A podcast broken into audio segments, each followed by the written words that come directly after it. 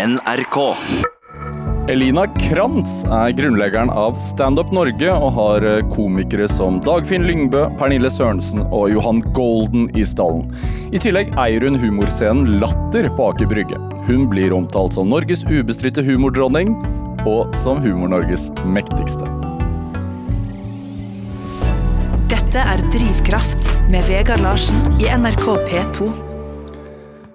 Elina Krantz, velkommen hit til Drivkraft. Tusen takk. Veldig hyggelig å ha deg her. Ja, takk. Hva, hva, hva tenker du når jeg sier eh, Humor-Norges mektigste? Ja, jeg ble litt overrasket. Jeg bare, Hæ, hvem, hvem er det? Men eh, nei, jeg tenker egentlig ikke på det på den måten.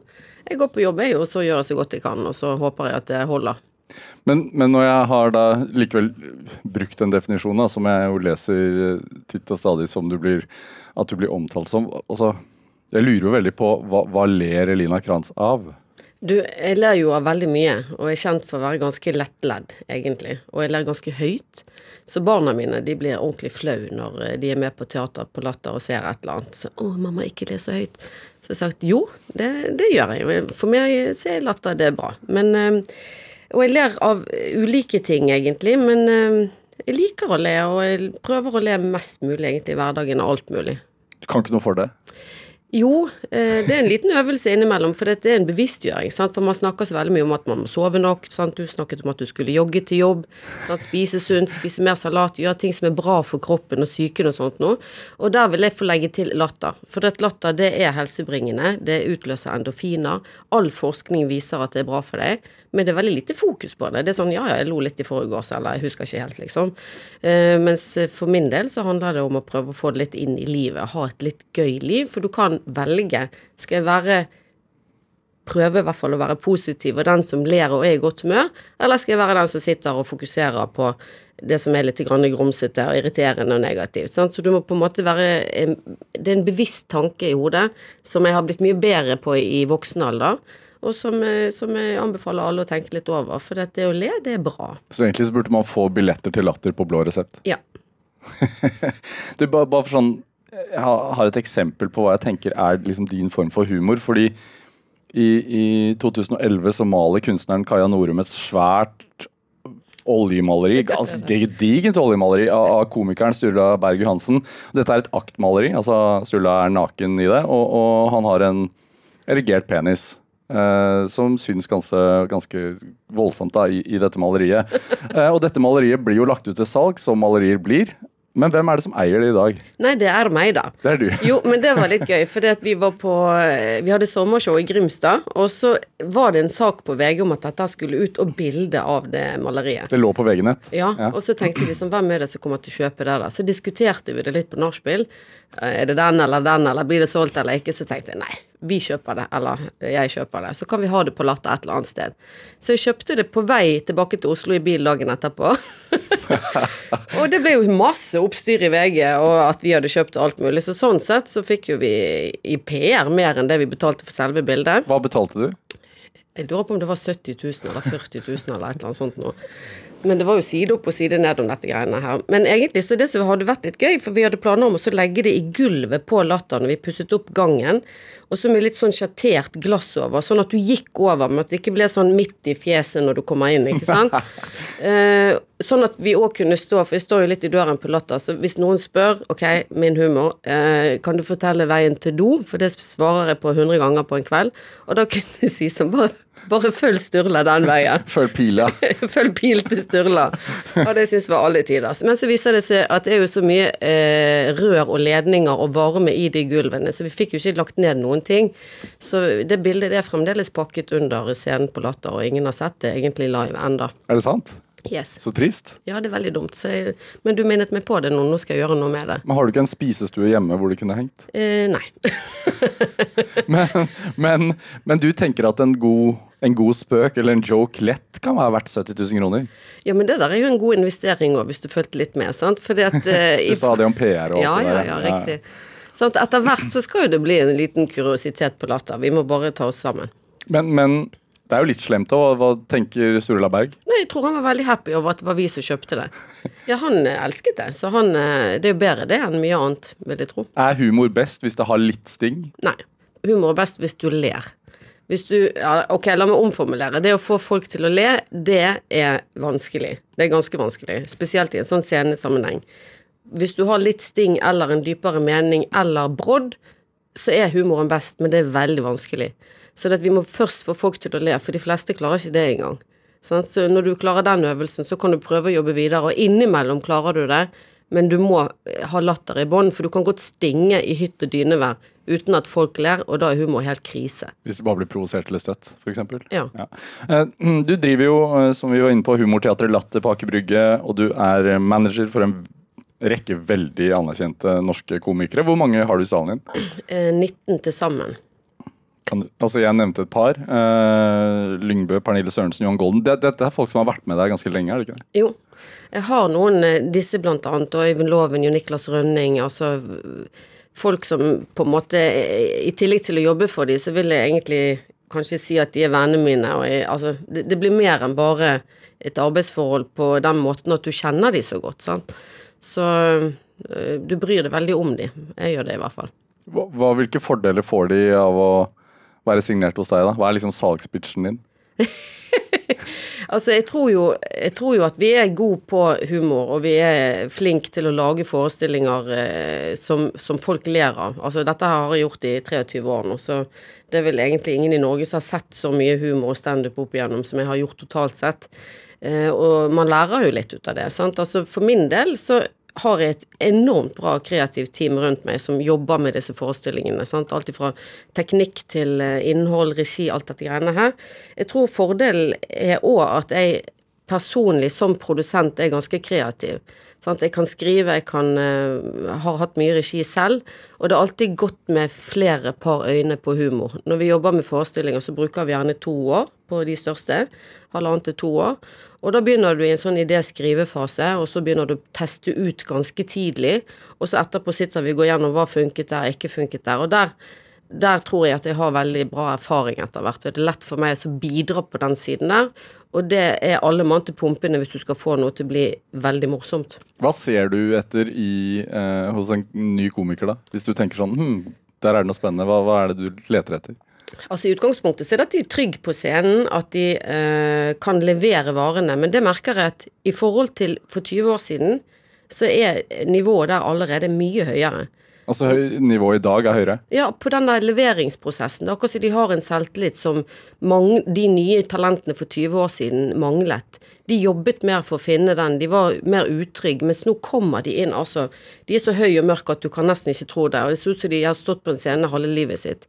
Og, så, så, den biten er ganske sterk nå, men nå er jo det liksom innholdet. Klarer de å lage gøye nok tekster, klarer de å reprodusere fort nok?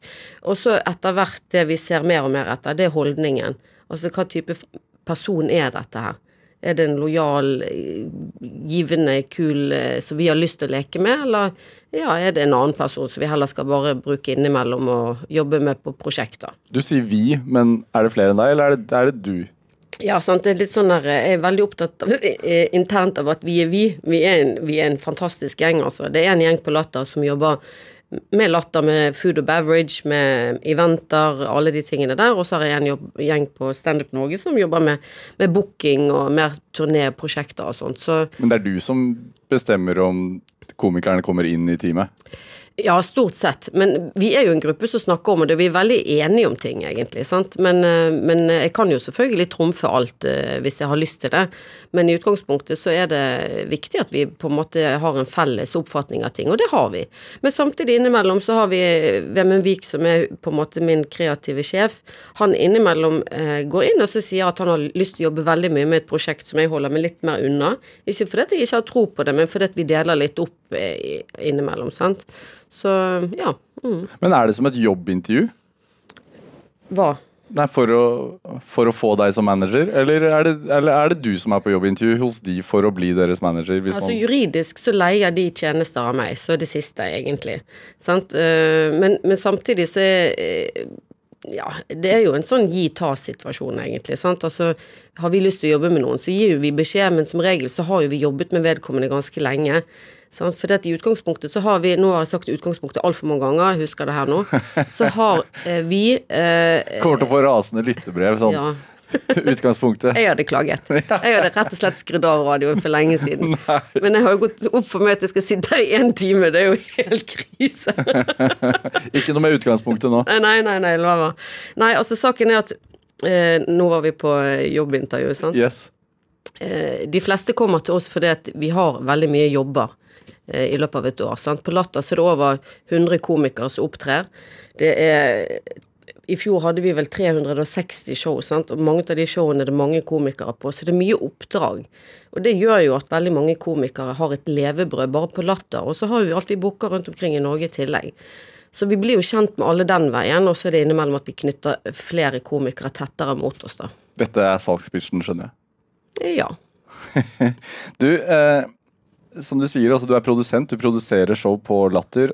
Du eh, er manager for en rekke eh, komikere, og så driver du jo Latter og er i Latter. Eh, samtidig, så, så i går så leste jeg VG da, at, eh, at du måtte ut og bekrefte noen rykter om at et komikerpar hadde gått fra hverandre s- eh, i et forhold. Så det er altså en del av jobben din. ja. Hva, det, det, hva tenker du om at du må gjøre sånne ting? Nei, altså det er jo en del av jobben, ikke sant. For hvis jeg skal ha en eh, trygg og god komiker, så må jeg på en måte vite det meste om vedkommende. Og jeg får jo alltid vite det, spesielt hvis ikke det går så bra, ikke sant. At hvis man eh, enten er syk, eller samlivsbrudd, eller eh, økonomiske ting som går skeis, eller Det kan være det ene eller det andre. Så eh, blir jo jeg ofte den de kommer til først, og det er jo veldig bra. Det er jo jeg veldig stolt av, og det er en av de tingene jeg liker best med jobben min, egentlig. Så, og da blir det til å håndtere de tingene òg, da, altså på forskjellige plan. Blir det litt morsrolle? Ja, det kan bli det. Blir fort det, egentlig. Øyvind Loven kaller meg for mor, faktisk. Jo, ja, det har gjort det i mange år. Er du, er du en streng eller, eh, eller snill mamma? Nei, jeg er nok litt eh, Altså, i sånne settinger der det er eh, tungt, samlivsbrudd og sånt nå, så er jeg utelukkende snill. Mens eh, jeg, krever jo lite grann, og det er jo det som eh, er vits nå. Sant? Jeg kan ikke bare sitte og jatte med, selv om jeg, det, det er litt individuelt. Noen må gjøre det litt mer med enn andre og sånt noe. Men, men eh, det å så jobbe med komikere som bare har lyst til at du skal si ja og være liksom på plussiden, det, det er ikke så bra. For dette gjør jeg egentlig ikke min jobb som manager 100% for min jobb er å prøve å korrigere litt. Grann. Så mm. Er det, et, er det et tillitsforhold der også? Altså, fordi de jobber jo for deg, og du jobber for dem. Eh, så hvis en som er i stallen din gjør noe skikkelig skit som får masse negativ eh, omtale og PR, så vil jo det gå utover butikken for begge parter. ja. Hva, føler du da et personlig svik også? Selv om ikke du har noe med omstendighetene å gjøre? Jeg gjør jo det. Eh, hvis, hvis det hadde skjedd, så blir jo det selvfølgelig personlig, ikke sant. Så du vil jo på en måte prøve å korrigere og være til stede og vite om disse tingene, samtidig som det er ikke alt du kan få med deg alltid, rett og slett. For det er ikke overalt. Så ja, det er pluss og minus. Dette er Drivkraft med Vegard Larsen i NRK P2. Og i dag har vi grunnleggeren av Standup Norge og humorteatret Latter her, Elina Krantz. Eh, Du er fra Bergen, som vi hører. Ja. Hvor i Bergen? Minde. Jeg Vokste opp på Minde. Hvor er det for folk som ikke kjenner Bergen godt? Eh, Brann stadion. Ah. Ja. Er du Brann-supporter? Nei. Jeg, sta jeg, jeg stemmer på, holdt jeg på å si Jeg heier på Barcelona. Jo. jo da. Hvorfor det? Nei, for dette spiller Messi, og han er helten til min yngste sønn, så jeg måtte liksom engasjere meg litt. Og nå, det er kun Messi hjemme hos oss. Han er, og nå vant han jo gullball i går, går. som du sikkert vet, som Som fotballinteressert, ja. Det er jo det er litt spesielt det med de yngste, eller med, med barna i dag. De er ikke opptatt av lag lenger, de er bare opptatt av spillere. Ja, det har du rett i. Ja. Men, men eh, hjemmet ditt Jeg tenker Når du har den jobben du har, altså, var det et hjem som var prega av latter? Egentlig så det er litt eh, Ok, delvis ja. For hvis jeg har overskudd og ikke er kjempe, kjempesliten, så, eh, så er jeg ganske kvikk, tror jeg, og prøver å få de til å le. Og nå snakker du om hjemmet ditt nå. Ja. Ja, det, jeg fortsetter gjerne med det. Det var ikke det jeg lurte på, men Å, det er ok. kjempefint. Ja, men vi begynner Men hvordan får du barna dine til å le? Ja, altså Det blir veldig vanskelig etter hvert, i hvert fall med han som er tenåring. For alt jeg sier nå, så syns han at det er så teit. Og alt er så teit, og jeg skjønner jo ingenting, og alt er bare teit. Så, så der har jeg gitt litt opp. Men jeg har fremdeles grepet på han på ni. Han er fremdeles ler når jeg tuller og fjaser og ja. Men hender det at du åpner kofferten din av eh, vitser som du har sett på jobb, og liksom prøver hjemme? Nei. Aldri? Nei, nei, det går ikke. Ikke i sosiale lag heller? Nei. Nei, det, det, nei, for det første, det, jeg, vet, jeg har litt respekt for å lage vitser. Så jeg kunne ikke gått og sagt Da måtte jeg sagt eh, Hørte du hva Johan Golden sa i går? På scenen. Bla, bla. Det kan jeg si. Du ville gitt kreden? Ja, selvfølgelig. Ellers så blir det feil. Jeg kan ikke sitte og liksom dagligdags droppe en setning som noen andre har sagt. Nei, det, det går jo ikke. Men, men det er egentlig lurt på, om, det, om hjemmet ditt der du vokste opp selv, om det var et hjem som var prega av latter? Nei. Egentlig ikke. Det var et helt vanlig hjem. Men hvor, hvorfor, ble, hvorfor tenker du at humor ble liksom faget ditt, da? Nei, det er faktisk mye tilfeldigheter. Det handlet jo først om at jeg var elevrådsleder på gymnaset når jeg gikk på Tangs i Bergen. Og så hadde vi sånn juleavslutning som elevrådet hadde ansvar for, som eh, var altså så dørgende kjedelig. Og så gikk jeg i klasse med en som het Adele Lærum, og hun eh, Jeg tror hun studerte på Teaterhøgskolen seinere og ble utøvende kunstner. Kjempevittig jente. Og så ble vi enige om hva om vi skulle prøve å gjøre det litt gøyere. Det var der det begynte. For da lagde vi en julerevy der vi imiterte lærerne og hadde noen numre, og vi hadde liksom skrevet og holdt på og øvd litt. Og det husker jeg veldig godt, for det Altså, folk lo og lo og lo, og det ble liksom snakket om evigheter, og når den der skolen fikk en sånn bok eh, i forbindelse med 120-årsjubileet, så sto det om den forestillingen den gangen. Og, og det var litt gøy, for det var liksom Det var vi som lagde det og opplevde det, og så tenkte jeg at det her kan vi kanskje eh, gjøre mer av. Og så spurte Dagfinn om jeg ville være med i Russerevyen året etterpå. Dagfinn gjøre- Ja. Gjøre noen av de numrene. Og den gangen så sto jeg jo på scenen, men det der har jeg egentlig ingenting å gjøre, så det er jo greit nok. Men jeg, jeg, jeg merket jo der den kraften av å få folk til å le. Det er gøy, altså, for dette er en kunstform, og det er en utfordring som er ja, kul. Men hvordan føles det?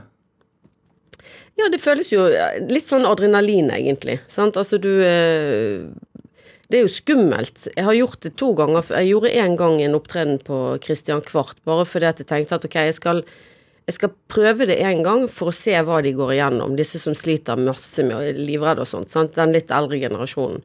Og så hadde vi sånn jentekveld, og så ble Rigmund Galtung syk, og så manglet vi en komiker, så sa jeg at ja, men jeg kan hoppe inn og gjøre fem minutter. Og det var det skumleste ever. Jeg syntes det var helt forferdelig. Og det egentlig gikk ikke så veldig bra heller, for jeg var altså så nervøs. Men, eh, men det varierer litt. Jeg hadde i konfirmasjonen for to uker siden, så hadde jeg Takk for maten-tallen. Eh, For det var Arve Juritzen som eh, ba meg om å gjøre det, for jeg er fadder til datteren. Og da sa han faktisk 'det er fint om du er litt vittig'. og så sa jeg 'men du, jeg er jo ikke glad i å holde taler engang, så hva i alle dager er det du holder på med', liksom. 'Nei, men det går fint, du fikser det, og alt mulig'. Og da, på en eller annen måte, og det vet jeg ikke helt hvorfor, men det var kanskje litt flaks òg, men da holdt jeg en gøy tale. Der alle ler, og du merker at du må bare stoppe, for det er ingen som hører det du sier neste gang og sånn. Det er jo en følelse med det, jeg husker jo det i dag. Men det er jo fordi at jeg gjør det så sjeldent. Så men, du fikk et lite kick av å holde det. konfirmasjonstalen? Ja, rett og slett. Men er det det verste man kan høre hvis man driver med humor? At det, prøv å være litt morsom, eller det er bra hvis du er litt morsom? Ja, i hvert fall for min del, som jobber bak. Eh, sant? Det er jo en grunn til at jeg ikke står på scenen. Fordi at jeg egentlig ikke har noen ting der å gjøre. Sant? Men en konfirmasjon er jo selvfølgelig noe annet enn å stå mm, blant betalende publikum og sånt. Så den jobben komikere gjør rundt omkring i hele Norge, avhengig av eh, hvem og hva og hvor, det er ganske imponerende håndarbeid, altså. Du nevner eh, russerevy og sånn med Dagfinn Lyngbø, og du er fra Bergen. Hvorfor ikke slå seg opp med humor i Bergen? Ja, altså, jeg drev jo Nansen-pub i Bergen før jeg kom til Oslo. Så det var jo der jeg begynte med det. Først jeg begynte på jussen, og så ringte sjefen på Finnegården som jeg hadde jobbet for som bartender, og spurte om jeg ville ta over den puben jeg jobbet på før. Eh, og så la jeg ned den blues-konseptstilen, og så begynte vi med humor. Med stand-up. Ja. Så det var jo der det begynte, egentlig. Og så hadde jeg egentlig lyst til å starte et litt større sceneopplegg i Bergen og jobbe videre med det, men så fikk jeg tilbud av en del av de komikerne som vi booket inn fra Oslo, da, om å komme og jobbe her for de, for de hadde lyst til å profesjonalisere det litt, grann, og så til slutt så gjorde jeg det. Hvordan, hvordan ble, altså Helt i starten, da du gjorde om den scenen i Bergen på baren der til en standup-scene, altså hvordan ble det tatt imot blant publikum? For det, det var, da var det jo ganske nytt. Ja, det var veldig nytt. Det var ingen i Bergen som visste på en måte hva standup var, ikke vi engang. Vi annonserte jo første to annonsene med talkshow på Latter. Vi trodde det het talkshow, vi var jo helt amatør. Nei, ikke på Latter. Nei, på Nansen pub, unnskyld. Ja. Ja. Så, nei, så, så det var bare full forvirring hele greien. Men til, til slutt så begynte det å gå veldig greit. Da. Det var mye takket være Dagfinn og den jobben han eh, la inn der. Han hadde jo vært, vært show i starten. Mm. Men du, og du reiser til Norge, nei, til Norge, sier jeg, til Oslo. Hvordan, var, eh, hvordan var hele humorscenen i, i Norge på det tidspunktet som du starta Standup Norge? Ja, da var det en scene som var oppe og gå i Oslo som het Christian Kvart, som var veldig bra etablert scene. Lå den? Den lå i Rosenkrantz gate, eh, rett vis-à-vis Hotell Bristol. Eh, Så jeg tok egentlig over den, eh, og jeg husker jeg satt i døren og solgte billetter, og jeg bodde på sofaen på et bitte lite kontor på Adamstuen, som jeg måtte slå av lyset klokken ni, for det var ikke lov å bo der egentlig. Og det var skikkelig Første årene var tøffe, altså. Helt seriøst. Helt forferdelig. Hva, hvordan da? Nei, altså, jeg hadde jo ingen penger, hadde ingen anelse om hva jeg holdt på med. Ingen hadde hørt om standup, og så skal du liksom prøve å skape en bedrift av dette greiene her. Og du er typ 22 år. Ja. 20, ja 23. Ja, ja, 20, ja. Ganske driftig, da. Ja, altså, eller dum. jeg hadde litt uh, seinere en som satt i styret, han sa det, for jeg hadde dårlig eh, selvtillit på det der at Du vet at når du, ikke, når du ikke vet hvordan du skal få noe til i det hele tatt begynne, sant Altså, plutselig så er det en del komikere som vil ha jobber, og, og det var jo største problemet, at de manglet inntekt, ikke sant. Eh, og med en gang du har en sulten komiker, så, så har du et problem. sant. Den, nå snakker jo dette langt tilbake. Ja.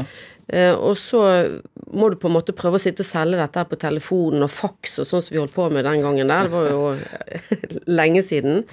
Men, men eh, Nei, det var, det var eh, vanskelig å få det til. Og så samtidig så tenkte jeg at hvis jeg hadde gått handelshøyskole, så hadde jeg klart dette mye bedre. Og da var det en som satt i styret som sa at hadde du gått handelshøyskole, så hadde du aldri begynt med dette.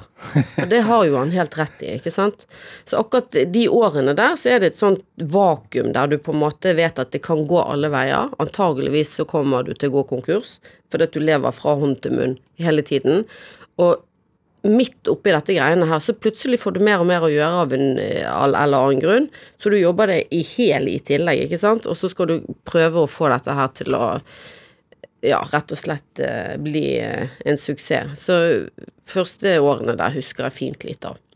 Men du sier jo at over natta eller sånn plutselig så, blir det, så begynner det å funke, men du la jo antageligvis en slags strategi, eller du hadde vel en markedsføringsplan? Altså du Ja, altså egentlig var det bare om å gjøre å så selge komikere. Hvordan gjorde du det, da? Nei, jeg ringte rundt til alle mulige puber og utesteder i hele Norge. Det var det første. Hva sa du da? Kan, altså, husker du hvordan du gikk frem? Jo, jeg husker egentlig det, for at de fleste sa jo det at ja, men vi har så mye folk her, f.eks. om sommeren. Så jeg sa jeg ja, men kommer de tidlig nok? Nei, de kommer gjerne ikke inn før ni, liksom. Ja, men hvis du har show klokken åtte, så får du de inn før, bla, bla, bla. Jeg satt og, sånn som der jeg satt og øh, snakket i telefonen timevis hver eneste dag. Og telefonsalg, det er vanskelig, det.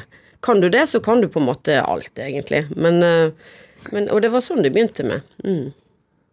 Og når var det du merket at de du ringte til var mer på, på liksom po, De var mer positive enn negative? For i starten regner jeg med at folk sånn standup, nei, det har jeg ikke tro på. Nei, men så kom det flere og flere som prøvde seg, sant, og så gjerne fikk de til å kjøpe seks show, sant, og så fikk de rabatter, sant, for da, det liksom, ja, det har holdt på voldsomt med de pakkegreiene.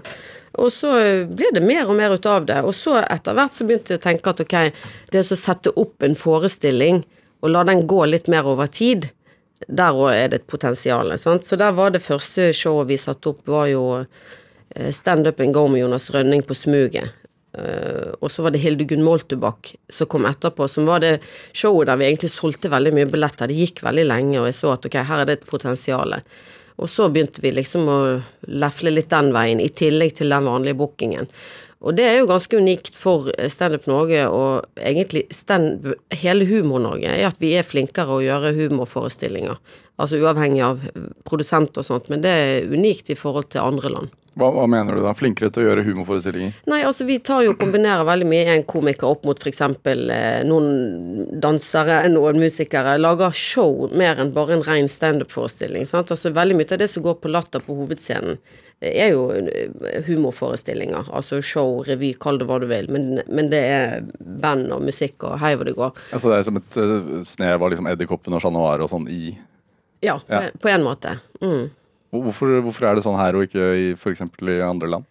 Nei, det er litt fordi vi begynte å gjøre det tidlig, fordi vi så at folk likte det. Sant? Altså, folk liker å bli underholdt eh, med andre ting enn bare én standuper i én time. Vi selger jo enormt mye det òg, men, men begge deler er en bra variant. Sant? Og da hadde jo du tidligere denne Dizzie-gjengen som hadde fylt saler der i eh, tiår, ikke sant? Og Altså Dizzie Tunes. Ja. Ja. Og der, vi tok nok over litt ut av det publikummet der òg, og så skapte vi et eget marked der, tror jeg. Men det er veldig uvanlig. Du drar, drar du til Sverige og sånt, så opererer de på en helt annen måte enn det vi gjør her. Ja. Mm. Altså, når du har fulgt eh, humor og, og show og sånn så tett som du har gjort eh, gjennom disse årene altså,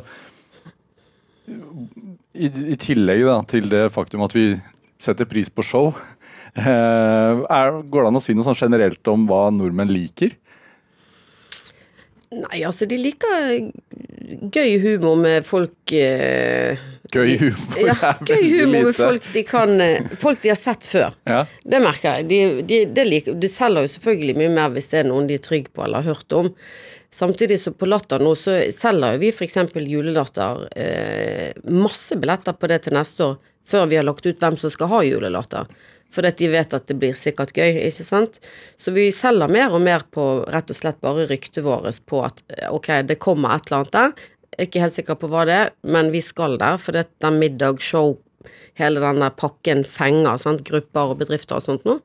Og derfor så kjøper de billetter før vi har lagt ut hva det er for noe, og det er jo gøy. Du forteller at du startet eh, karrieren din eh, med å sove i billettluka, nesten. Altså, eller, eh, og, og, og ikke hadde noe penger og hadde sultne komikere. Hvor mange ansatte har du i dag? Ja, 130 rundt det. At, det er ganske fantastisk. Ja. Hva, hva tenker du om det? Nei, altså Var det visjonen og drømmen den gang? Nei da. Det, dette har gått eh, vesentlig mye bedre enn jeg hadde trodd eh, underveis. Og så har jeg egentlig ikke tenkt Jeg tenker ikke så veldig mye på de tingene der før jeg sitter i et sånt intervju som dette her, f.eks. Så blir du litt sånn ok, du er nødt til å forholde deg til et eller annet. Men, men, men det er helt sant når jeg sier at jeg går på jobb og prøver å gjøre en god jobb. Det er det som på en måte er min hverdag. Og, alle de ansatte, det, jeg, jeg tenker ikke så veldig mye på det. Det viktigste for meg er at jeg har kjernen min, som jeg har hatt uh, egentlig siden start. Og så er det veldig mange selvfølgelig som uh, jobber timer, som er nye og sånt. Jeg, jeg, det er ikke alle forholder meg så veldig mye til.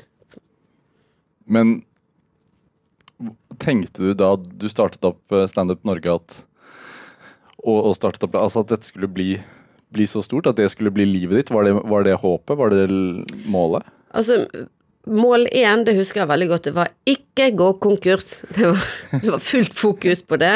Og så mål to, det var vel egentlig å eh, klare oss å få det til å på en måte bli trygt nok til å altså hele veien kunne ansette en til, så gjorde jeg det, så ansette en til. Jeg har vært veldig forsiktig i oppstarten, og jeg er for så vidt det ennå. Jeg kan virke ganske risikovillig, men jeg er ikke det, altså. Jeg tenker alltid nøye gjennom ting.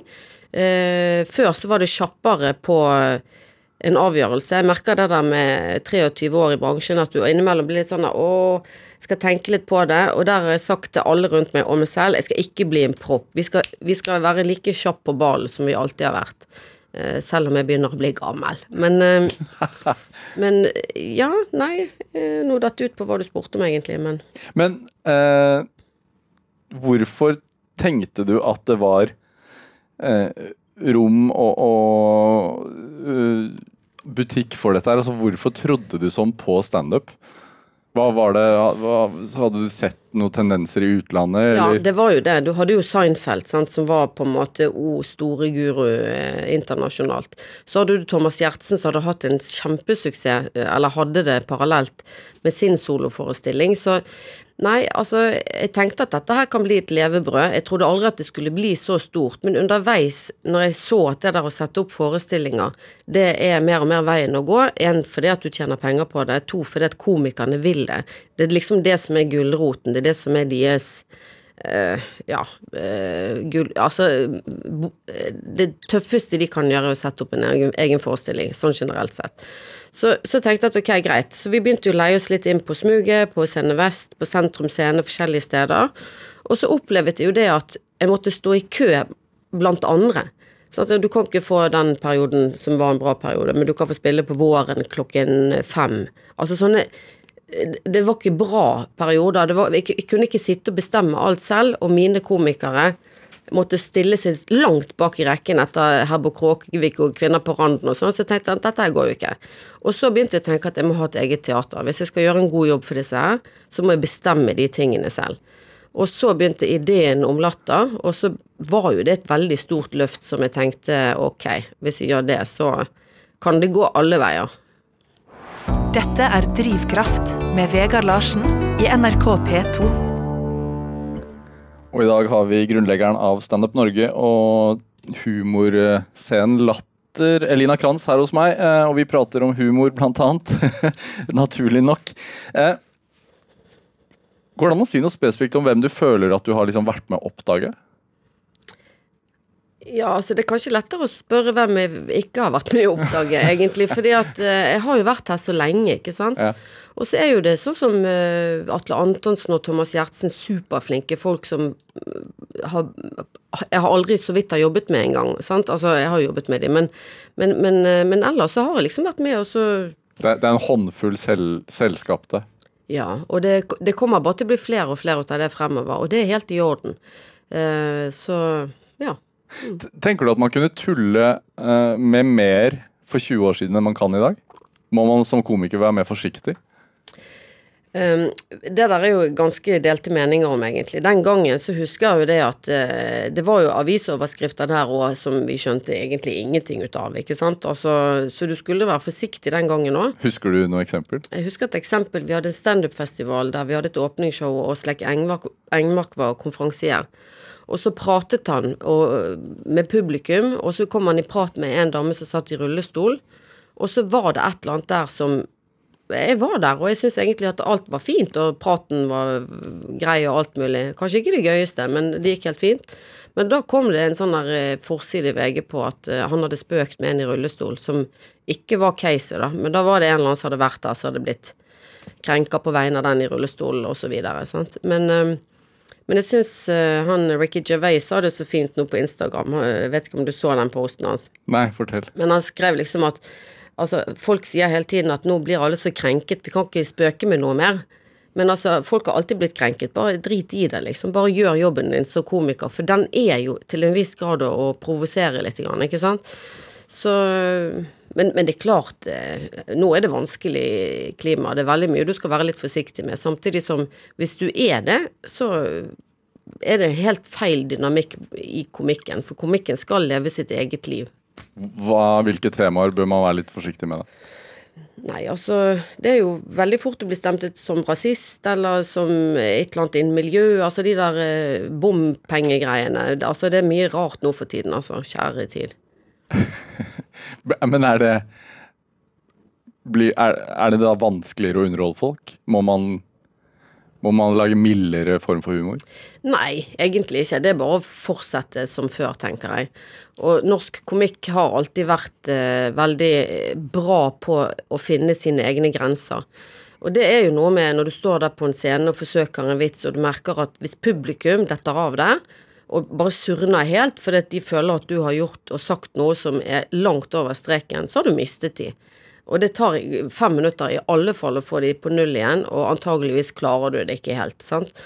Så den der eh, rett og slett redigeringen eh, som de holder på med i hodet og på scenen egentlig hele tiden, er imponerende. Har det hendt at du har tatt en alvorsprat på bakrommet etter forestillingen og sagt sånn det der, det sier du ikke i morgen? Nei, det er veldig, veldig sjeldent. Jeg kan godt kommentere at jeg syns at nå er dette blir for plomt. Du kan godt kjøre den plumpe der, eh, men da må du bare jobbe andre ting rundt det. For det, hvis det blir for mye den ene eller andre veien, så kan folk synes at det, eh, det blir for voldsomt. Sant? Mens du kan ha en vits som er litt plump eller på kanten, men da må du gjøre publikum trygg først med masse sånn koseprat eller gøye vitser og, om andre ting, og så kan du fyre den inn, og så gå tilbake igjen til eh, liksom det litt mer trygge. Men du kan ikke bare fyre, fyre, fyre, fyre. fyre. Eh, I så fall så mister du publikummet. Over til, over til noe helt annet. altså Året 2004, det, det veit jeg er et veiskille i livet ditt. Ja. Hva, hvis du skal beskrive det året, hva vil du si da? Nå, for jeg er så ordentlig dårlig på årstall, men det var tsunamien, det, eller? Det var et jordskjelv i Indiahavet Ja, det året. ja. Ja. Ja, det var helt forferdelig. Men uh, ja, for du var der. ja, det, jeg var der. Jeg lå på stranden og ante fred og ingen fare. Og så så jeg bare en egentlig vegg av vann bare langt uti der. Så nei, eh, det gikk jo bra med oss, men det var helt forferdelig å oppleve det. Altså en, et av, eh, altså, en av de mest dødeligste naturkatastrofene i moderne tid. Altså jordskjelvet i India i 2004, hvor 84 nordmenn mista livet. Og, og tallene er jo noe usikre, men man regner med at i overkant av 300 000 mennesker eh, døde. Eh, men altså, du, du var faktisk på stranden da bølgen kom.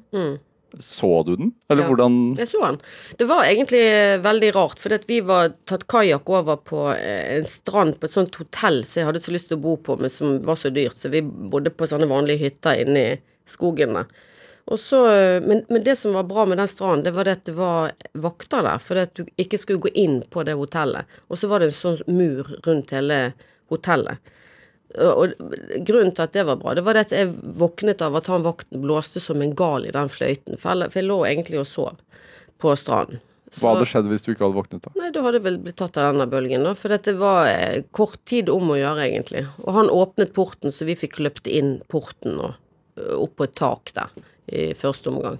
Var du, der, du var med familie, eller var du Nei, der? vi var en eh, gjeng, en vennegjeng som reiste ned. Hva skjedde? Var det kaos? Var det helt kaos. Etterpå, så vi sto på det taket, så begynte folk å skrike at det kommer more wave. Først var det så stille at jeg aldri har hørt så stille. Helt stille. Og så var det folk som begynte å skrike, og så begynte de å rope at det kom flere bølger. Og så øh, så jeg at de på hotellet, altså de innfødte, de, og de hadde på seg redningsvester, de løp innover og oppover. Så tenkte jeg bare løp etter de, for de vet jo hvor det er høyest her. Så vi bare beinet etter de opp på et sånn fjellknaustaktig, og der ble vi sittende i fem timer. Vente på nye bølger, og så ventet vi på jordskjelv, og så var det en som mente at det kom eh, en sånn tropisk storm, så vi måtte binde og sitte og holde oss fast i sånne stubber, og det var bare ikke bra. helt ekstremt dramatisk, da? Ja, og så satt de, Det var nok egentlig mest den der misinformasjonen. Fordi at disse her vaktene og de som jobbet på hotellet, satt på walkietalkier til Phuket blant annet, da. Og sa at, de sa at det kom flere bølger. Så spurte jeg hvor høye da? Nei, 25 meter. Jeg sier hvor høyt er dette her, da? Nei, 15 meter. Så tenkte jeg ja, ja, det er jo enkel måte. Dere satt på 15 meter, og, Ja. og de hadde hørt at bølger på 25 kommer. var på vei. Ja, så vi Men så... bare sitt trygt, eller bare sitt rolig, liksom. Ja, nei, de sa ikke akkurat det, da. men men du, du satt jo bare der og ventet på noe som var verre, og du visste ikke hva som kom først. Og så var det så mange timer med det. Og det var det som satte seg her. Altså, ikke det der å løpe fra bølgen, for det merket jo at det overlevde vi, sant. Så den var jo grei. Det var jo ekkelt, og var jo folk som døde der, så det var helt forferdelig. Men, men den eh, biten var på en måte noe jeg bearbeidet ganske fort, men der, de der timene med det der å ikke sitte og vite, sant. Det, Hvor lenge satt dere der? det føltes jo som fem timer. Det var sikkert mer tre og en halv, men det var noe, i hvert fall fire timer, ja, rundt det. Og etter tre og en halv time, så hva skjedde? Nei, så begynte vi skulle ned på baksiden av det fjellet da, med de vaktene. For det, det begynte å bli mørkt, så vi kunne ikke sitte der, for det var ikke trygt. Uh, og så og Da var det sånn at vi med sånn tau og begynte å fire oss ned, så vi akkurat kom halvveis ned, så begynte folk på den siden å skrike 'more waves', så var det opp igjen. Men- så sittende, ja, var helt forferdelig. Men når man sitter der, da, og man får bekreftet at det kanskje kommer nye bølger inn, Mm. og man har opplevd dette her, hva, hva går gjennom hodet ditt? Altså, Husker du det? Hva du Ja, jeg, altså, på? jeg husker, ja, jeg husker jeg, det, Den eneste jeg snakket med, var advokaten min. Og så Du ringte advokaten din? Ja. Bare testamentet, bare si sånn, sånn, sånn. Er det sant? Ja. Og så snakket Jeg tok ingen telefoner, for det begynte jo å ringe litt, for dette kom på nyhetene og sånt. Ja. Men jeg snakket med Dagfinn, han ringte, og da tok jeg. That's it. Og så bare skrudde jeg av. For jeg ville, ikke, jeg ville ikke egentlig at de skulle vite at jeg satt der så lenge, liksom. Hva sa du, da? Til advokaten min Ja, eller Dagfinn? til Advokaten min så sa jeg liksom gjør sånn med tingene. Altså. Da var du businesskvinne, liksom? Ja, eller business og business. Det var, det var noe mer bare eh, Jeg vil at du skal løse dette på den måten, eller gi det sånn og sånn. Men til Dagfinn Jeg husker egentlig ikke så mye hva jeg sa. Jeg fortalte hva som var skjedd, og at vi satt der, og at jeg håpet at jeg kommer hjem. Noe sånt. Jeg vurderte å begynne å røyke igjen. Jeg satt der oppe, Det husker jeg godt. Men jeg begynte ikke å røyke. Uff a meg. Men sånt må jo bli værende igjen lenger, tenker jeg. Ja, lenge. Altså Normalt sett så tenker jeg sånn at ting du må gjennom, masse drit i livet, det gjelder alle, og du kommer ut styrket. Utenom den eh, greien der. Der kommer jeg ut svakere. Lenge svakere. Hvordan da? Nei, jeg, hadde, jeg sleit psykisk. Jeg fikk eh, angst. Jeg var perioder jeg ikke flydde. Jeg likte ikke å kjøre tunnel. Altså alt var skummelt, egentlig. Så det tok lang tid før jeg kom igjennom det. Med mareritt og sånn, eller? Nei, ikke så mye mareritt. Bare eh, uro og ja. For i, altså Jeg er egentlig fatalist av natur, jeg, så jeg vet at alt kan gå åt skogen any minute. Og jeg har alltid vært sånn sett ok, hvis vi da må der Altså, jeg har alltid en plan B, men der der var jo helt umulig å spå. Jeg hadde aldri hørt om det heller, ikke sant. Så, så jeg følte liksom at alle mine verste eh, ja, tanker bare ble samlet inn i én dag der nede. Tror man egentlig at man er våken når sånt skjer? Ja, Ja. du føler deg veldig våken. Men ser du på natur annerledes etter dette her? Nei, men jeg må jo innrømme, jeg har aldri vært tilbake til Thailand, men, men det kommer jeg til å gjøre. Uh, og jeg har lyst til å dra tilbake der. Men det eneste som jeg har en sånn her liten, men jeg tror faktisk at jeg har lagt det bak meg òg, men sånn her å dra til Maledivene, uh, der du ikke har noe å klatre opp i, det vet jeg kanskje ikke om jeg hadde gjort ennå. For det er jo det som er caset, sant. Du må jo opp i høyden hvis noe sånt skjer. Og dette her er jo egentlig ganske vittig, for det, øh, vi er jo ikke helt i takt med naturen lenger, sant? men de innfødte på de småøyene rundt omkring, som så havet dra seg ut så mange meter, de skjønte jo at ok, ingen fuglekvitter, alle dyrene forsvant, kanskje vi også skal stikke litt innover i landet. Mens vi, vet du, fra Vesten lå jo bare der med solkrem og ante fred og ingen fare. Å, se så langt ute vannet er, og dette var rart, liksom. Vi, jo, vi er jo litt historieløse på sånne ting, og heldigvis for det. Men uh, alle kan i hvert fall huske på at hvis, han, hvis havet forsvinner den veien, så må du gå den veien. Men hvordan slapp det taket i deg, da? Nei, det vet jeg ikke. Det, er, det har bare sluppet gradvis, egentlig. Ja. Mm. Men jeg har jo bearbeidet det. Jeg har gått og fått hjelp, jeg har gått til psykolog og holdt på. Ja. Mm. Endret det deg positivt på noe vis? Nei. Nei. Nei. Nei. Det er ærlig. Men samme år så velger du uansett i hvert fall å starte opp Latter da, på Aker Brygge. Ja. Så det er jo Så selv om Det var jo planlagt, sant, så det var ikke så mye å gjøre med. Men, men fikk Hjalp det deg gjennom bearbeidelsen, tror du? Nei. Nei. får du lite å jobbe med her. Men nei, for å være helt ærlig, akkurat som, som jeg sa innledningsvis, der har jeg ikke gjort noen ting bedre med mitt liv. Det er noe jeg skulle klart meg foruten, for å være helt ærlig. Og det er ikke noe sånt eh, Det var en som sa ok, men du vet i hvert fall, for det når du kommer i en sånn situasjon som er så ekstrem, noen stivner, sant, og noen fight or fly, sant, noen, noen tar det, og de stikker. Du vet du er en person som eh, under ekstremt press agerer riktig, du stivner ikke. Å, flott, takk for det. Det hjelper meg heller ingenting, liksom. det, det er bare, bare Ja. Men noen ville jo kanskje tenkt at eh, det kunne vært en, liksom en sånn Og nå skal jeg leve hver dag resten av mitt liv som om det var den siste ja men det tenkte jeg første tre-fire dagene, og så skjønte jeg at det òg ble vanskelig. Det, de gikk ikke sånn, egentlig. Nei.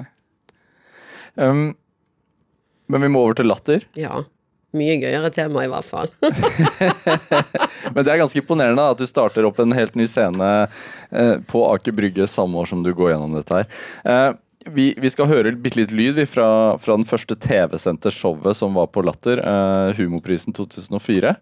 Eh, det er eh, Vi skal høre Rune Andersen som daværende kommunalminister Erna Solberg, som eh, ja, hedrer deg, da. Aller, aller først må jeg få lov til å si, Elina, det er fabelaktig hva en liten dame fra Bergen har fått til her på Latter. Eh, og som bergenser må jeg også få legge til det skulle jo bare mangle. Som eh, Høyre-leder og landets kommende statsminister eh, kan jeg vanskelig se behovet for en egen komipris. Her må man, akkurat som i kommunal sektor, eh, vurdere sammenslåinger for å oppnå synergieffekter og eh, stordriftsfordeler. Derfor vil jeg gjerne foreslå at vi slår sammen Komiprisen med Nobelprisen.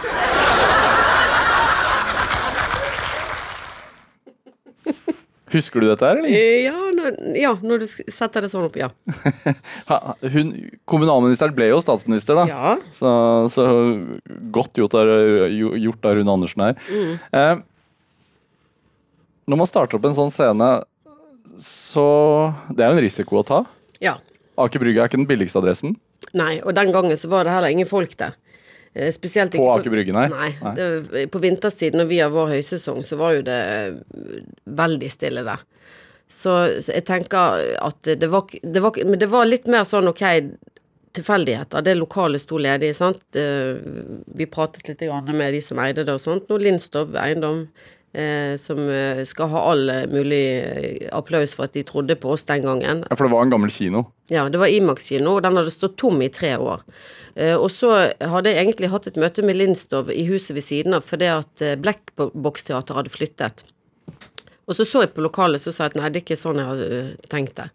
Og så gikk vi utenfor, så sto det der flotte huset der. Så jeg sier men hva er det da? Så sier han nei, vi har akkurat signert en leiekontrakt, men det har stått tomt i tre år.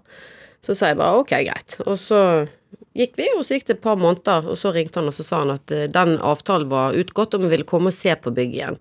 Og derfra, første befaringen eh, til at det ble rehabilitert og åpnet Vi gjorde jo om masse innvendig, så billig som vi kunne egentlig, da, men eh, det gikk ganske fort. For syv måneder så åpnet vi. Hva, hvor, hvor, hvor lenge leier man et sånt lokale av gangen for å få lov til å gjøre om? Ja, altså vi har jo eh, avtale som er på ti år til, da. Så mm. Men vi trekker jo flere hundre tusen ned der i året, så de er jo happy for å ha oss der, selvfølgelig. Det er ganske, det er ganske mektig. Hva, hva, hva er grunnen til at det har blitt en suksess, tror du? Hva er det det har fylt? Hvilket rom har det fylt? Det som er eh, litt unikt med Latter, da, ikke bare i norsk sammenheng, men det er det at du har klubbscenen med standup-kvelder som på en måte durer og går hele uken. sant? Tirsdag, onsdag, torsdag, fredag, lørdag. Standup hele tiden. Du sa det var 360 show i året, så det Ja. er nesten hver dag. Ja, det, det er jo hver dag, sant. Og så er det doble show og sånt noe. Nei, vent litt, 360 Jeg tror det er mer enn det. Jeg husker ikke det tallet. Om det er over 600 show i året. Det tror jeg faktisk. Ok, ja, ok. det at i høysesong der så har vi fire show på klubbscenen hver dag, og fire show på hovedscenen hver dag. Og det er ganske mye, ikke sant? Eh, det er åtte show på en lørdag, og det skal egentlig ikke være mulig. Men det som er litt av um, hemmelighetene her, det er jo at du har den standup-aktiviteten hele tiden. Den er billig, den er veldig bra. Det er hjertet til latter. Sant? Det er fem nye komikere, nye tekster hver uke. Over 100 komikere inne i løpet av et år. Det er liksom drivkraften til Latter. Og så setter vi opp mindre forestillinger der i tillegg, og så har vi hovedscenen med større forestillinger. Du sitter bedre, dyrere billetter. Og i tillegg til det så har jo vi barer og en restaurant, så du får alt på ett og samme sted. Og det liker folk, sant? for det er trygt og godt, og vi har veldig bra mat og god service, og du kan få alt hos oss. Ja, så virker det på som meg at dere treffer nesten et større publikum som ikke bor i Oslo, altså som reiser inn til Oslo. Veldig mange som kommer til reisende. Sant? Vi kan eh, Er det en folkelig scene, hvis, Ja. tenker du? Men det kommer veldig an på hvilket show vi har, ikke sant. Jeg husker eh, var en periode, eller en eller annen sesong, så hadde vi Ingrid Bjørnov på hovedscenen. Som har et voksent publikum. De kommer i pels, og de er flotte, og de har pyntet seg. Og så hadde vi Dag Sørås på klubbscenen, sant? med litt yngre hipstere. Og det var veldig enkelt å se når folk dundret inn døren hvor de skulle. Du skal der, du skal der, du skal der, du skal der. Og det er det jeg liker litt. Det er en smeltedingle. Du har alt mulig der, ikke sant. Kommer an på hva det egentlig er som er programmert på scenene. Du, når du er da manager og sjef for det hele, holdt jeg på å si, så, så passer man jo på de man har ansvar for. Altså du passer på de du har ansvar for. Men er det en ensom jobb? For det er ikke så mange som passer på deg. Ja, det er et godt spørsmål. Eh, det som er nå, som er veldig bra, det er at jeg har, jeg har en gjeng som passer på meg òg. Som, som jeg jobber med, som eh, gjør liksom livet mitt mye lettere. Eh, Men, men eh, innimellom og opp igjennom så har det vært ekstremt ensomt. Veldig ensomt. Trist innimellom. Men så blir det bra igjen. Er så, men det er kanskje den eh, baksiden av medaljen man må ta som toppsjef, da. Jeg tror ikke du kan få i pose og sekk, eh, og det er jo en grunn til at eh, mange velger bort akkurat et sånt løp som jeg har hatt. Og hvis jeg hadde visst egentlig hva det kostet når jeg startet for 23 år siden, så har jeg Det er et spørsmål jeg har stilt meg selv. Har, har jeg, hadde jeg gjort det en gang til? Det er jeg litt usikker på svaret på. For det, det er lettest å si nå at nå har jo det gått fint. Men hva det kostet å komme her, det, det kostet grisemye. Og egentlig kun eh, blod, svette og tårer. Veldig lite ut av det andre, egentlig. Som i hvert fall får oppleve litt nå. Men folk glemmer veldig ofte. De glemmer de glemmer oppstarten, alt hardt arbeid, alle satsingene, og så tenker de at nå er alt fint og flott, og ja, nå eh, er det greit. Men, eh, men, men eh, man må aldri glemme hvor du begynte, og hvem som har vært med, og hva du har gjort. Og til tross for at butikken går veldig veldig bra, som man stadig leser om, så, så tar du fremdeles de telefonene fra VG når noen spør om komikerne har gått fra hverandre. Ja. Er det Hva vil du si er den viktigste egenskapen du har som gjør at du har fått det til som gründer? Altså, det der eh, pågangsmotet er nok viktig, sant. Eh, Jeg liker ikke ikke klare ting. Og det gjelder egentlig veldig mye i livet, sant. Hvis jeg skal eh, lage middag, eller plante en plante, eller eh, Altså, jeg liker at det blir ordentlig. Og egentlig alle jobbene jeg har hatt, jeg har hatt masse jobber, så har jeg alltid tenkt at jeg skal gjøre en bedre jobb enn alle andre. Det om jeg har vært på bondegård eller snekkbar eller stuepike. Jeg skal gjøre en god jobb. Det er nok et eller annet eh, eh, i meg som, som, som jeg har lyst til å vise at jeg kan dette her, og, og gjøre det riktig, ikke sant. Og så er jo det sånn at uansett hva du gjør, eh, så vil jo alltid noen mene om det og øh, være uenig eller sette motivene dine i tvil. Men jeg har alltid også tenkt jeg jobber hardt. Jeg gjør alt riktig, jeg lurer ingen, jeg kan se meg selv i speilet, jeg vet at jeg på en måte har eh, ja, gjort ting på en bra måte, og så får folk si hva de vil, da, rett og slett. Men hadde du trengt å jobbe så hardt nå? Kunne du overlatt en del av ansvaret til noen andre? Det spørsmålet får jeg ganske ofte, og jeg kunne jo kanskje det, jeg prøver det innimellom, men så blir det ofte til at jeg svinger tilbake igjen og sånt på det. Eh, Men, men jeg har jo lyst etter hvert å kanskje redusere litt eh, for det går jo mye timer og mye kvelder og sånt, men, men det går jo greit òg, ikke sant. Jeg får det til å gå opp med barna, og jeg føler liksom at jeg leverer på de arenaene òg, sant, som er viktige. Og så, ja, så er det et eller annet med når du har holdt på sånn i 23 år, sant. Hvis jeg har, hvis jeg har tre kvelder alene hjemme, da, det er veldig rart. Hvis du skjønner. Du blir vant til et, et annet tempo òg, ikke sant. Ja. Dette programmet heter jo Drivkraft, og da må jeg jo spørre hva som driver deg. Ja, fordi at det som driver meg For jeg har tenkt litt på det, men altså jeg, jeg, Dette her med latter, det syns jeg jo veldig mye om, ikke sant. Og den der bevisstheten rundt latter. Og når jeg er på jobb der, og går inn på hovedscenen, og så ser jeg masse mennesker nedover som sitter og ler Du får liksom sånn bølge bakfra, sant. Og inn på klubbscenen så er det noen andre på scenen, og masse mennesker som ler av noe annet. Så tenker jeg at det er en vanvittig fin drivkraft for min del. For der og da så har de det helt fantastisk. De koser seg, de, de er ute blant venner, de har gjerne pyntet seg litt, de gleder seg til å se det de skal se på scenen og sånt. Og så er det et lite pusterom. Og det er jeg veldig glad for å få lov til å være med og kunne lage det. Ja, fordi altså, latt, En kveld på Latter skal jo først og fremst være et pusterom, og slappe av og le. Men, men tenker du også at du har makt til å påvirke folk? Ja, eh, altså i hvert fall sette eh, en agenda i enkelte settinger, sant. Og det gjør jo vi ikke noe sånn bevisst, men altså vi prøver jo veldig stimulere komikere til å eh, skrive mer ukentlige tekster, mer aktuelle ting og sånt noe, ikke sant. Og, og vi i en sånn skrivesetting på en forestilling og sånn, så sitter vi og mener ting. Innimellom mener vi veldig mye, sant? med f.eks. på bar bakke med Jon Skau, som på en måte var en så politisk forestilling at han fikk eh, egentlig forandret eh, skattesystemet. Sant? Altså, eh, der var det masse meninger, og så innimellom så er det litt mindre. Men det er en sånn balanse litt i forhold til hva komikerne vil og sånt. Men, men det er klart at eh, delvis, ja. Men, men er det sånn at du tenker sånn nei, nå må, nå må vi sette miljøet i fokus. Så hei, hør nå her. Altså, Latter har jo et veldig sosialt engasjement, eh, og har eh, hatt og har samarbeid i forhold til ulike miljø til kamper, klimafestival og sånne ting. Vi har hatt, vi har hatt show for de. Og vi har òg årlige innsamlingsaksjoner til eh, Sabona, vi hjelper sykehusklovnene. Vi, nå er vi inne på noe som heter Plastpiratene, som jeg syns er veldig gøy, apropos miljø. Og det er altså en gjeng ledet av en som heter som eh, har båter på Aker Brygge. Så de reiser rundt eh, og plukker opp søppel fra sjøen. Mennesker som har havnet på skråplanet og vil ha en vei tilbake igjen. Så da tenker jeg at det er kjempebra, for du, du rydder søppel og plastikk vekk fra kysten. I tillegg til at du gir eh, mennesker som trenger et sted å være, noe meningsfullt å gjøre. En opp, opp, et oppdrag. Men du sier vi her også, men er det du som er pådriver for dette her, eller? Det er han Anders som vi har støttet. Jeg har støttet. Jeg har døpt båt. Jeg har fått en båt oppkalt etter meg. Hva heter den? Det heter Elina. Hvor ligger den? Den ligger på Aker Brygge. kan du kjøre med den når du vil? Nei, nei, den plukker plastikk sammen med Ja. Ja, det er den Plastbåten, plastbåten, Elina. Mm Elina. um, har du noe Er du liksom ferdig med målsetningene? Eller skal du starte en ny scene? Tenker litt på det innimellom, fordi at eh, vi har laget en god greie som er vanskelig å lage. Nå har vi finjustert i så mange år, og det hadde vært veldig lett på en måte å flytte det til en annen by. Så Bergen, kanskje? Ja, eller Stockholm. Elina Kranz, tusen takk for at du kom hit til Drivkraft.